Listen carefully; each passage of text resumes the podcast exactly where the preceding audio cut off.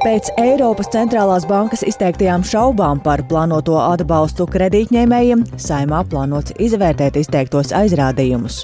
Ukrainā notiek izmeklēšana par bruņoto spēku komandiera Valērija Zalužņī noklausīšanos, un pašmājās lūstošu zaru dēļ jau otro dienu slēgts Rīgas zooloģiskais dārzs. Arī par to jau tūdaļ plašāk ziņu raidījumā pusdiena.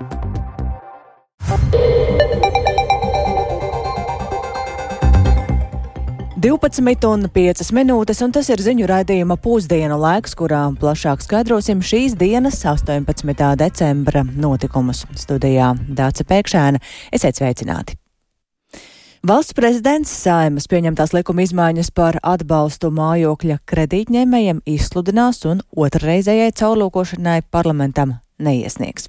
Taču Eiropas centrālās bankas izteiktās šaubas par šo regulējumu saimā nepalikšot bez ievērības, un trešdien budžeta komisijā tiks aicināti Finanšu ministrijas, Latvijas bankas un Komercbanku pārstāvi, lai Eiropas centrālās bankas norādes izvērtēt, un vairāk par to šodien interesējās kolēģis Jānis Kīncis, kurš arī gatavs par to pastāstīt vairāk. Sveiks, Jāni! Sveicināti! Jā, iesākumā atgādināšu, ka Saimas budžeta komisijā šoruden vērtēja dažādas iespējas, kā kredītu likmju strauju kāpuma apstākļos palīdzēt hipotekāro kredītu ņēmējiem.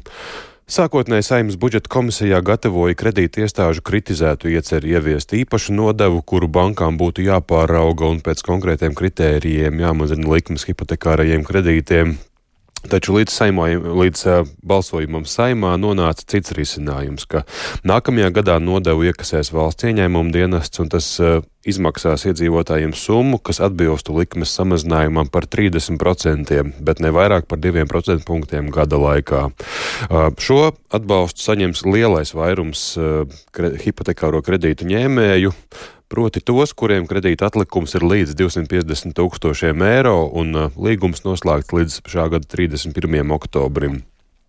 6. decembrī saimnes deputātu vairākums šo ieceru atbalst, Baltija un uh, Latvijas radio nulekā no valsts prezidenta kancelēs saņēma atbildi, ka Eiropas centrālās bankas atzinumā nav apsvērumu, kas nebūtu izskatīti caurlūkošanas sanāksmē vai kas liektu izsludināt šo likumu. Tādējādi valsts prezidents grozījums patērētāja tiesību aizsardzības likumā izsludinās un otrreizējai caurlūkošanai saimā neiesniegs. Savā atzinumā Eiropas centrālā banka ir komentējusi tomēr vairākas problēmas. Pirmkārt, šis atbalsta regulējums ir tapis lielā tempā, nesaņemot arī tātad tiešas atbildes no Eiropas centrālās bankas, un tā iesaka likuma grozījumus papildināt ar rūpīgu analīzi par iespējamām negatīvām sekām banku nozarē, nesot vērtēt ietekmi uz banku nozares rentabilitāti un turpmāko kreditēšanas spēju novērtējumu, un ECB ieskatā labumu no šīs kompensācijas izmaksas gūs arī tie kredītņēmēji, kuriem nav grūtību apmaksāt kredītsaistības.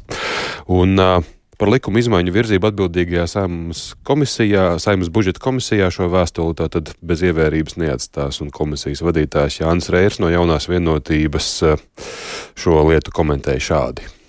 Pirmšķietami liekas, ka, nu, protams, katram jādara savs darbs. Eiropas centrālā banka aizstāv banku sistēmu, bet eh, mums ir jāaizstāv savi vēlētāji. Un tas arī galvenais motīvs bija pieņemot šo likumprojektu. Mēs redzam, ka Tur netiek norādīts, ka šis likumprojekts būtu jāatceļ. Tur ir norādījumi par izvērtējumiem. Trešdien tādēļ arī šī komisijas sēde būs, un mēs vērtēsim. Un pēc šīs sēdes Saimnes budžeta komisija sniegšot rakstisku atbildi Eiropas centrālajai bankai, un Rēs arī piebilda, ka līdzīgas atziņas Eiropas centrālā banka sniedzot lēmumu pieņēmējiem arī citās valstīs. Bet kas tev ir zināms šobrīd par eh, banku reakciju uz to visu? Par banku reakciju ir tā, ka lielākās komercbankas pašlaik vēl nesot izlēmušas vai apstrīdēt šos grozījumus patērētāju tiesību aizsardzības likumā mājokļu kredītņēmēju atbalstam. To vēsta ziņu aģentūra Leta. Uh, daļa no, daļa no bankām arī gaidīja valsts prezidenta kancelējas tātad vēstījumu par šo likuma izsludināšanu vai neizsludināšanu, tad tie tiks izsludināti. Un, Eiropas centrālā banka arī norādījusi, ka likumā paredzētais atbalsts hipotekāro kredītu ņēmējiem varētu novest arī līdz, līdz mazāk izdevīgiem kreditēšanas nosacījumiem nākotnē. Un, uh, Par to vaicāja Finanšu nozars asociācijas vecākajam juridiskajam padomniekam Edgaram Pastaram, kurš šo ECB norādi komentēja šādi. Arī mums ir viedoklis, ka tas visticamāk ietekmēs, bet tāda izvērtējuma, kas to parādītu, jau nav. Nevienam, ne mums, ne valstī, ne ECB ir bažas. Ja tā var teikt, ka tas visticamāk var radīt nu, tādu iespēju. Vai tas apturēs kreditēšanu pilnībā? Domāju, ka nē. Tā tas būtu pārāk skarbi teikts, bet es tā domāju, ka nē. Nu, noteikti kaut kāda piesardzība lielāka parādīsies, kaut kur varbūt kaut kādas arī izmaksas var pieaugt. To, ja ne, tu, nu, 90 miljonu uz visu sektoru viņi nepaliek neredzami. Kaut kur jau viņi parādīsies arī cenu pusē kādā brīdī. Nu, noslēgumā atgādināšu, ka arī Latvijas banka jau sākotnēji saimnes budžeta komisijā argumentēja, ka atbalstam hipotekāro kredītu ņēmējiem vajadzētu būt mērķētam un eh, proti tiem, kuriem tas ir visvairāk vajadzīgs. Nu jā, tomēr pēc garām diskusijām saimnes budžeta komisija līdz šādam risinājumam nenonāca, un tad nu būs interesanti dzirdēt, ko tagad, kad lēmumi jau pieņemti, vēl trešdien komisijas sēdē komentēs vēl par šo jautājumu. Paldies Jānim Kīncim. Tātad lielākās komercbankas Latvijā vēl nesot izlēmuši vai apstrīdēt šos grozījumus, bet tas gan ir skaidrs, ka valsts prezidents tos izsludinās un nedos atpakaļ otrreizējai caurlokošanai. Bet to, cik daudz naudas nonāk valsts budžetā, ietekmē arī ēnu ekonomika, un pērn Latvijā tā sasniedza 19,9%.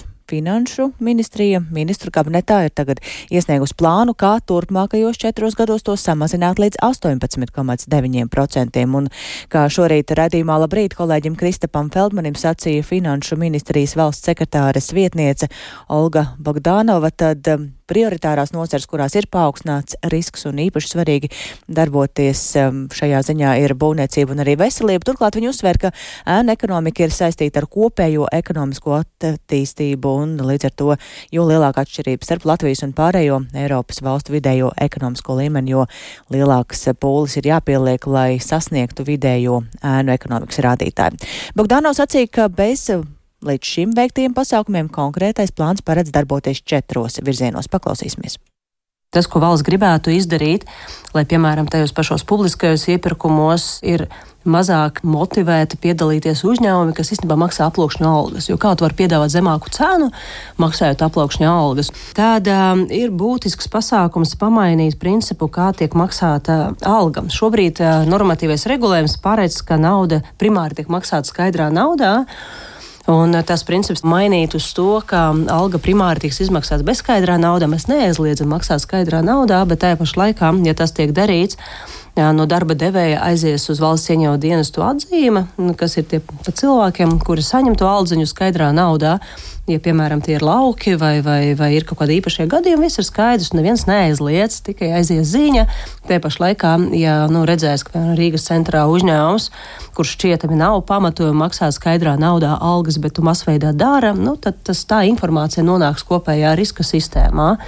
Tāpat arī nonāks ziņojumi valsts ieņēmuma dienestam par to, kā skaidra nauda tiek iemaksāta bankomātos vai tiek izmaksāta no bankomātiem. Un arī viens tas cipars pats par sevi neko nenozīmē, bet saliekot viņu kopā ar citu informāciju. Redzēt protams, kaut kādas schēmas, mēģināt. Atklāt. Jā, gan schēmas atklāt, gan arī, piemēram, ja aldziņa ir saņemta skaidrā naudā, tu viņu pēc tam iemaksā. Nav jautājumi, bet ja pēkšņi kaut kādas lielas naudas summas parādās noteiktos mēnešu daudzumos, tas varētu arī liecināt par kaut kādām anomālijām. Galvenokārt šie pasākumi tomēr nav tikai uz bargākiem sodiem, bet jūs mēģināt eh, to sistēmu kaut kā mainīt. Jā, tas, ko mēs mēģinam darīt ar šo plānu, ieviest tā saucamo partnerību starp eh, valsts pārvaldi un nodokļu maksātājiem. Jo, nu, idejas, ka tas, ko valstī būtu jāsasniedz, ka dati nonāk valsts ieņēmuma dienas rīcībā automātiski un tālāk jau tiek piemērota fokusētais darbs ar paaugstinātā riska personām. Tas, protams, ļaus atvieglot resursu un uh, efektīvāk strādāt ar tām riska personām un arī neuzdot liekus jautājumus tam personām, kur, kur nav nekāds pamats tam. Mēs ēnu ekonomikas dēļ ik gadu zaudējam apmēram 3,6 miljardus eiro. Kā plānā paredzētie mērķi tad nu, izpaužās naudas izteiksmē, vai tas ir rēķināts, cik daudz nu, mēs varētu pievienot valsts budžetam, ja šis jūsu izstrādātais plāns būtu sekmīgs? Te varbūt ir jāatzīmē arī, ka tas nav tikai par valsts budžetā neiegūto naudu. Protams, arī ļoti liels kaitējums tiek nodarīts personām, kas darbojas ēnu ekonomikā pašām, kaut bieži vien personas to neapzinās, nu, piemēram, nemaksājot sociālus nodokļus, netiek saņemta pēc tam vēlāk pensija vai, vai notiek arī konkurences kropļojumi, jo skaidrs, ka komersants kaimiņš nevar strādāt konkrētajā jomā, ja viņa kaimiņš nemaksā nodokļus, un, un, un ja konkurences vide ir kropļota, protams, tas kavē arī ārējas investīcijas, bet, um, jā, protams, arī šajā plānā mēs esam veikuši aprēķinus, ko varētu sniegt konkrētie pasākumi. Un uh, 27. gadā plānots, uh, pateicoties šiem pasākumiem, iegūt uh, 120 miljonus, nu, saskaitot kopā tos gadus līdz 27. gadam, tie ir 252 miljoni. Tā Finanšu ministrijas valsts sekretāras vietniece Olga Bogdanova par centieniem mazināt ēnu ekonomiku. Tā skaitā būvniecībā, kur ne tikai tā ir problēma, jo administratīvā apgabala tiesa šodien bija plānojusi pasludināt spriedumu būvnieku karteļu lietā. Konkurences padomu karteli atklāja pirms diviem gadiem iesaistītajiem uzņēmumiem, piemērojot kopā vairāk nekā 16 miljonu eiro sodu, un uzņēmumam Uzņēmumi to apstrīdēja tiesā. Kartelī bija iesaistīti desmit uzņēmumi, kuri strādāja pie vairākiem publiskiem objektiem, tādiem kā Meža parka estrāde, Rīgas Tehniskā universitāte un Ventspils koncertzāles būvniecība. Bet vairāk par to runāsim ar kolēģi Paulu Dēvicu. Sveika, Paula! Tad uh, būs vai nebūs šodien uh, šis tiesas spriedums? Jā, nu sākotnēji tika solīts, ka spriedums būs šodien, bet nu pat pavisam nesen administratīvā apgabaltiesa informēja, ka tomēr lietas apjoma un sarežģītības dēļ spriedums būs zināms vien nākamā gada 25. janvārī.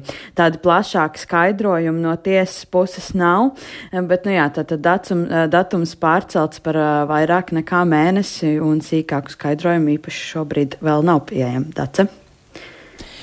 Tātad par mēnesi ir atlikts spriedums par šīs lietas būtību pavisam īsi vēl. Jā, um, kā jau minēju, 2021. gadā nāca klajā tātad konkurences padoms un knābi secinājumi par būvniecības kartelī iesaistītiem desmit uzņēmumiem, un uh, tātad uh, pamatā ir uh, pierādījumi, kas iegūti noklausoties telefonu sarunas, un šie desmit uzņēmumi ir Skonto būve, Latvijas energoceltnieks, Sija Velve, Arčers, mm -hmm. Rere būve, Re un Re, un vēl vairāk, un konkurences padomu tātad identificēja vismaz septiņi 80 objektus, no kuriem lielākā daļa tika noslēgti ar kopējo līgumu summu tai 700 miljonu eiro apmērā. Um, jā, un tātad būvniekiem bija šī aizliegtā vienošanās, kas pēc būtības kropļoja šo konkurenci. Būvnieki bija iepriekš uh, vienojušies par to, kurā iepirkumā kurš uzvarēs.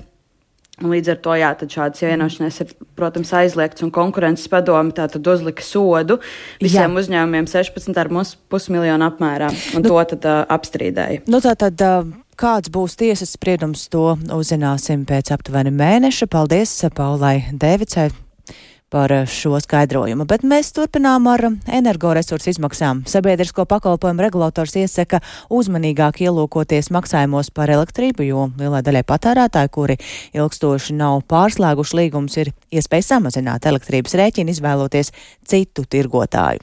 Pēc pērn piedzīvotā straujā elektrības cenu pieauguma šogad biržā tās cena ir samazinājusies, taču mājasemniecību segmentā vidējais cenu līmenis kopš pērnā gada trešā ceturkšņa, kad cenas sasniedza maksimumu, būtiski nav mainījies, un vairāk par to Dainas Zalamans ierakstā. Biržā elektrības cenas svārstās pat vienas dienas ietvaros. Kā stāsta Sabiedrisko pakalpojumu regulēšanas komisijas izpildirektors Jānis Miķelsons, piemēram, pagājušajā mēnesī elektrības cena biržā bija 10-11 centīmi par kilovatstundu.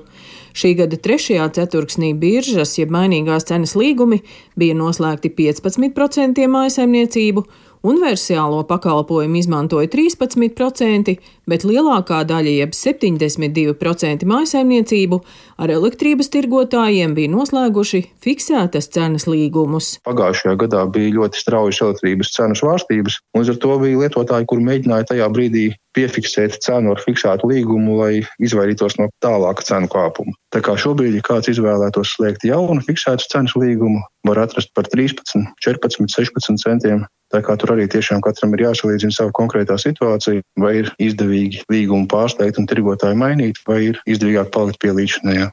Kāds līgums būs mājsaimniecībai izdevīgāks? atkarīgs no elektrības patēriņa un lietošanas paradumiem un no pieslēgtajām iekārtām, turpina Jānis Miķelsons. Ja tas ir dzīvoklis, kur ir piemēram, centrāla apkūra un siltais ūdens tiek gatavots centrāla apkūras ietvaros, visdrīzāk elektrības patēriņš nebūs liels. Savukārt, ja ir piemēram arī ūdens sildīšana ar elektrību, tad patēriņš uzreiz jau būs daudz lielāks. Šādā gadījumā arī jāskatās, kāds ir kopējais maksājums, apskatīties savu pēdējo rēķinu, kāds ir bijis patēriņš un aprēķināt, kāds iznāktu rēķins, ja būtu nomainīts līgums uz citu tirgotāju piedāvājumu. Patērētāju tiesību aizsardzības centra pārstāve Sanita Gartmane stāsta, ka par elektroenerģijas līgumiem iedzīvotāju sūdzības saņemtas salīdzinoši maz, un visbiežāk iedzīvotāji vēlas saņemt konsultācijas par elektroenerģijas piegādātāju maiņu un līgumiem ar tirgotāju. Viņa aicina rūpīgi izlasīt līgumus. Patērētājiem jāsaprot, ka izlīdzinātais maksājums vienā brīdī varētu būt pat lielāks finanšu sloks, tāpēc ka gada beigās tur varētu nākties maksāt vēl lielāku summu. Tādēļ mēs pat ieteiktu piemērot līgumus, kur patērētājs katru mēnesi norēķinās par patērēto elektrību. Tik cik ir patērēts tieši konkrētā mēnesī. Svarīgi apzināties arī savu patēriņu kopumā. Jānis Miķelsons stāsta, ka soda sankcijas līguma laušanas gadījumā ir atkarīgas no elektrības patēriņa. Ministrs kabineta noteikumi nosaka, ka šāds sots ir katru ceturksni samazināms, lai proporcionāli pēc divu gadu perioda no līguma noslēgšanas sasniegtu nulli. Tad, attiecīgi, jums ir sākotnēji noslēgts līgums ar, piemēram, 160 eiro soda naudu par līgumu laušanu. Ir pagājis gads kopš līguma noslēgšanas, tad šobrīd izvēloties šādu līgumu laust soda naudu būtu 80 eiro. Un, ja patēriņš ir pietiekami liels, tas nozīmē, ka iespējams kaut kādu 3-4 mēnešu laikā šādu starpību būtu iespējams atgūt no jaunā līguma cenas un turpmākos mēnešus maksāt mazāku summu. Elektroenerģijas tirgotāju maisaimniecības var mainīt katru mēnesi līdz 15. datumam. Šogad to izdarījuši tikai 3% iedzīvotāju, Krietni aktīvāki bijuši juridiskie lietotāji, no kuriem 22% veikuši tirgotāju maiņu. Daina Zalamane, Latvijas radio. Par citiem notikumiem Ukrainas drošības dienests ir sācis izmeklēšanu saistībā ar nelikumīgi uzstādītām noklausīšanās ierīcēm bruņoto spēku komandiera Valērija Zalužņī birojā. No varas iestāžu teiktā var noprast, ka šajā gadījumā nekādi militārie noslēpumi nesot noplūduši, taču izspiegošanas risks esot ļoti augsts. Un studijā šobrīd kolēģis Uldis Česbergs, lai par to pastāstītu vairāk. Sveiks, Uldi! Kas ir zināms par eh, noklausīšanās ierīču uzstādīšanu Zalužņī birojā? Jā, labdien! Jau vakar Ukraiņas mediji, atsaucoties uz avotiem militārajās struktūrās, ziņoja, ka Zalužņija darba kabinetā ir uzieta noklausīšanās ierīce. Bet vēlāk Ukraiņas drošības dienests nāca klajā ar paziņojumu, ka noklausīšanās ierīce nav atrasta Zalužņija kabinetā, bet telpā, ko armijas komandieris darba vajadzībām varētu izmantot nākotnē. Un dienests par notikušo ir ierosinājis krimināllietu un apgalvoja, ka Diena, nu jā, dienests ir par šo ir ierosinājis kriminālu lietu un arī apgalvo, ka šī ierīce nav bijusi darba kārtībā. Tā ir nodota ekspertīzai un tāpat nesot arī atrastas uh, kādas informācijas glabāšanas iekārtas vai audio ieraksta attālinātas pārraides līdzekļi. Un izdevums Ukraiņskajā pravda rakstīja, ka noklausīšanās ierīci atrada veicot drošības pārbaudi Zalužnija jaunajā birojā pirms komandiera ievākšanās telpās, un līdzīgas ierīces esot atrastas arī vairāku Zalužnija padoto darba vietās. Varas iestādes gan šo informāciju nav komentējušas. Un mediji arī izceļ faktu, ka atrastās noklausīšanās ierīces esot izgatavotas no tādām detaļām, kas neļaujot noteikt to izcelsmi. Bet ir kādi minējumi, kurš tad un kāpēc vispār vēlējās noklausīties Zalužņī? Nu, protams, pagaidām var izteikt tikai un vienīgi dažādus pieņēmumus, bet visticamāk, ka skaidrību viesīs šī drošības dienesta izmeklēšana. Protams, galvenais aizdomās turamais ir Krievija, kuras izlūkdienesti joprojām eh, aktīvi darbojas Ukrainā un ienā, ievāc informāciju, kas, protams, var noderēt turpmākajā kara darbībā. Un arī šodien Ukrainas drošības dienests paziņoja, ka ir neutralizēts Krievijas izlūkdienestu aģentu tīkls, kura uzdevums bija koriģēt iebrucēju artilērijas un raķešu uzbrukumus militārajiem un civilajiem objektiem Zaporīžas apgabalā. Nu, protams, nevar izslēgt arī iespēju, ka ar noklausīšanās ierīču palīdzību vēlējās risināt kādas iekšējās nesaskaņas. Nu, pēdējās nedēļās daudz ir runāts par Zalužnija un Ukrainas prezidenta Volodimira Zelenska konfliktu, kas esot uzšķīlēs pēc armijas nesekmīgajām pretuzbrukuma operācijām vasarā un rudenī, un ir izskanējušas uh, runas, ka Zelenskis vēloties atlaist Založniju. Bet uh, bijusi Ukrainas aizsardzības ministra vietniece Hanna Maļara, komentējot ziņas par noklausīšanās ierīcēm Založnija birojā, Nu, viņa apgalvoja, ka visiem ir zināms par iespējamu noklausīšanos un informācijas noplūdi, tāpēc nu, tas tiek vienmēr tiekot ņemts vērā balss saziņā. Maļāra arī piebilda, ka ir zināms par gadījumiem, kad no, arī no bruņoto spēku ģenerāla štāba ir noplūdusi slepena militārā informācija. Viņa gan neprecizēja, par kādiem gadījumiem ir runa. Paldies Uldim Česberim, tas tātad par to, ka izmeklē noklausīšanās ierīces ievietošanu Ukrainas armijas komandiera birojā. Bet pašmājās aktuāla problēma ir vardarbība izglītības iestādēs, tāpēc tieši šobrīd sākas pašvaldības savienības rīkota diskusija, kurā ietvaru vadītāji, speciālisti un arī iesaistīto institūciju pārstāvis spriež, kā to mazināt. Un kādas ir galvenās problēmas, par to turpina pašvaldības savienības padomniece izglītības un kultūras jautājumos Ināra Dundure mums tā situācija ir sadrumstalota, mums nav ilgspējas. Mums jāsaprot, kas ir tas, vēl jāizdara, lai mēs palīdzētu tiem bērniem, kuri krīt ārā no izglītības sistēmas.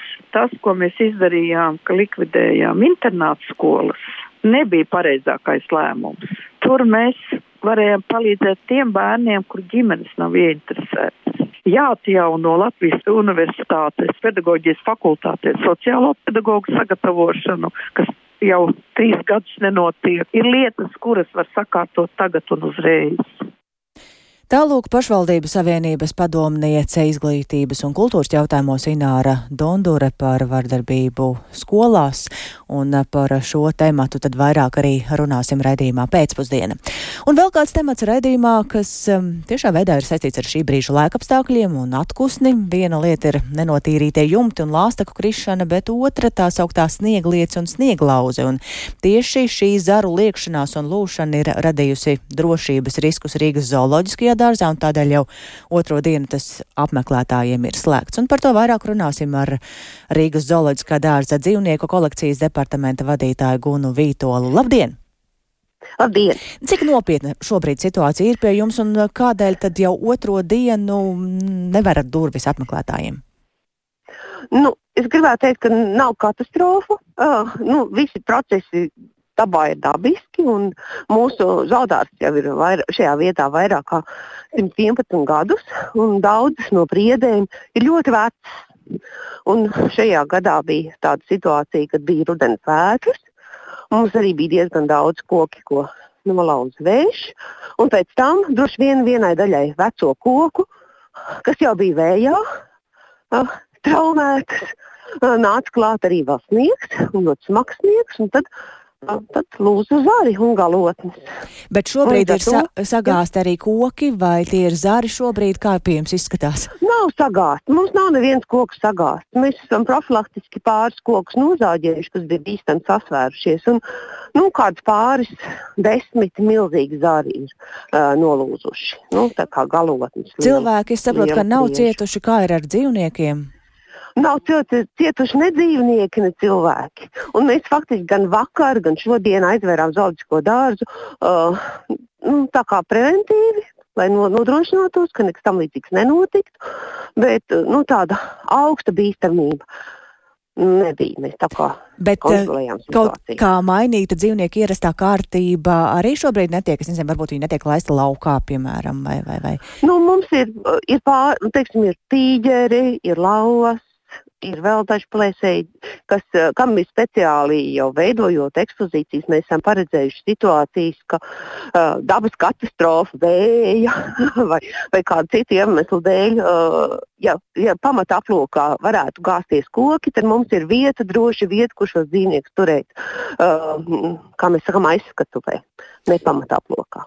Jā, un cik ilgā laikā jūs plānojat šo teritoriju sakopt? Nu, mēs šodien līdz šīs dienas beigām pabeigsim. Un, un tad apmeklētāji atkal būs gaidīti no rītdienas, bet vēl jau vairāk no, no 22. decembra, kad mums sāksies ziemas naktis. Tātad um, jau rīt ir cerība, ka apmeklētāji varēs doties uz Rīgas zooloģisko dārzu. Būs gaidīti. Paldies! Runājām ar Rīgas zooloģiskā dārza dzīvnieku kolekcijas departamenta vadītāju Gunu Vītolu, un ar to tad arī šobrīd izskan raidījums pusdiena. To producēja Lauris Zvēnieks, ierakstus montēja Kaspars Groskops par labskaņu rūpējās Ernests Valds Fjodorovs un ar jums sarunājās Dāca Pēkšēna. Radījums pusdiena ir atrodams ne tikai ēterā, bet arī sevērtā laikā Latvijas radio mobilajā lietotnē ir jāsameklē dienas ziņas un tāpat arī Latvijas radio ziņām var sekot līdzi sabiedrisko mēdīju ziņu portālā LSMLV un var mūs atrast arī sociālajos tīklos.